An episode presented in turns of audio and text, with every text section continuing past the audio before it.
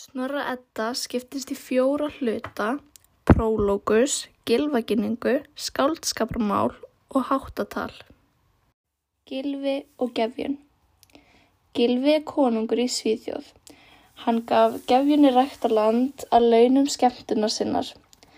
Gefjun er af ásætt og tók fjóra öxn úr jötunheimum og um, öxnir eru sínir hennar og jötuns. Og hún setti þá sem sagt upp fyrir hérna plók en plókurinn gekk svo hratt að landi ripnaði bara og heiti núna Sjálandaði partur af Danmörku. Gylfi í gerfi ganglera í áskarði. Gylfi var vitur og göldróttur. Hann sem sagt fer í lík hjá gömlum manni til þess að komast til áskarðs og hann ætla nefnilega að sig sem gammal maður. Um, og áskarður er bústaður goðana og hann fer þangað til þess að fá upplýsingar um upphaf alls og eðli hluta og fyrirbæra. Gylfi kemur fram undir dulnefni og kalla sig ganglera sem þýðir hinn gungumóði. En æsir vissu að hann væri á leiðinni vegna þess að þeir bara vita allt og ákveða að gera honum sjónkverfingar. Þannig að það sem að Gylfi sér þegar hann kemur er því, er því eins konar blekking. Hann kemur í háahöll þar sem að þrýr menn sitja fyrir svörun. Þeir heita Hár, Jafnhár og Þriðji. Þessir þrýr menn eru óðinn í dulagerfi.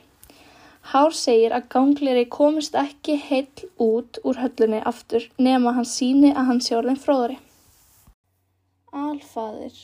Um, gangleri spyr hver aðstur allra goða er og þá svara þeir þrýr í hásætinu og það sé hann alfaðir og þú veist, hann er aðstur og elstur allra goða og hann hefur tólnöfn sem er ekki mikilvæg en þessi alfæðir er sem sagt óðinn.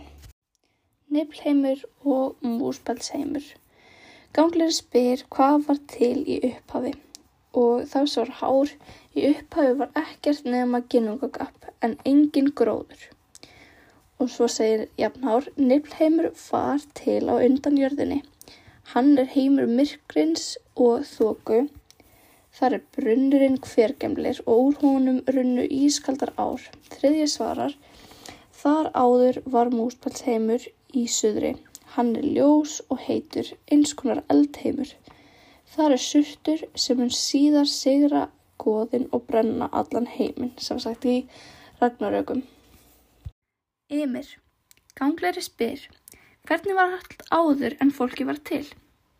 Og þá svara þeir, Í ginnungagapp runnu ískaldar eitrar ár úr nefnheimi í norðri.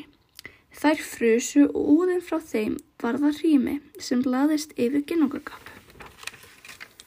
Úr suðri kom hiti frá eldunum í múspelsheimi. Þar sem kuldin og hitin mættust í ginnungagappi lágu drópar og úr þeim kviknaði rýmþrausin ymir.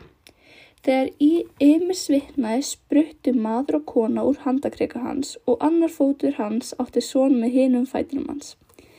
Ymir og afkvæmi hans eru forfeður allar rýmþrausa. Auðhumla og upphaf óðins. Gangleri spyr, hvar bjó Ymir og á hverju lefðan? Þá svara þeir, kýrin auðhumla var til úr næsta rýmdrópa. Ymir lefði á mjölkinni sem að hún gaf. Kýrin lefði á því að sleikja salta rýmsteina. Fyrsta kvöldi byrtist mannshár úr steinunum, næsta kvöldi byrtist manns höfuð og þriðja kvöldi byrtist maður sem er nefndu búri. Ymir drepin bergemlir. Gangleri spyr, hvað varðum sáttmála Ymis og Bórsuna, hvori voru voldugri? Þá svara þeir, sinir Bórs drápu Ymi, blóð hann strekti öllum hrýmþrúsum nema einum, bergemli. Hann komst undan með fjölskyldunum sinni. Sköpun heimsins. Gangleri spyr. Hvað gerði svo bórsinir ef þú trúir að þeir séu Guð? Það svara þeir. Bórsinir sköpuð heiminn og líka með ymis. Úr holdi hans var gerði jörðin. Úr brotnum beinum, tönnum og jökslum voru gerð grjót og urðir. Úr beinum hans var gerð björgin, úr haustum hans var gerður heiminin, úr auglokum og augnhárum var gerður borgarveggur, úr heilanum voru gerð skí og úr hári hans var gerður skóur og tré.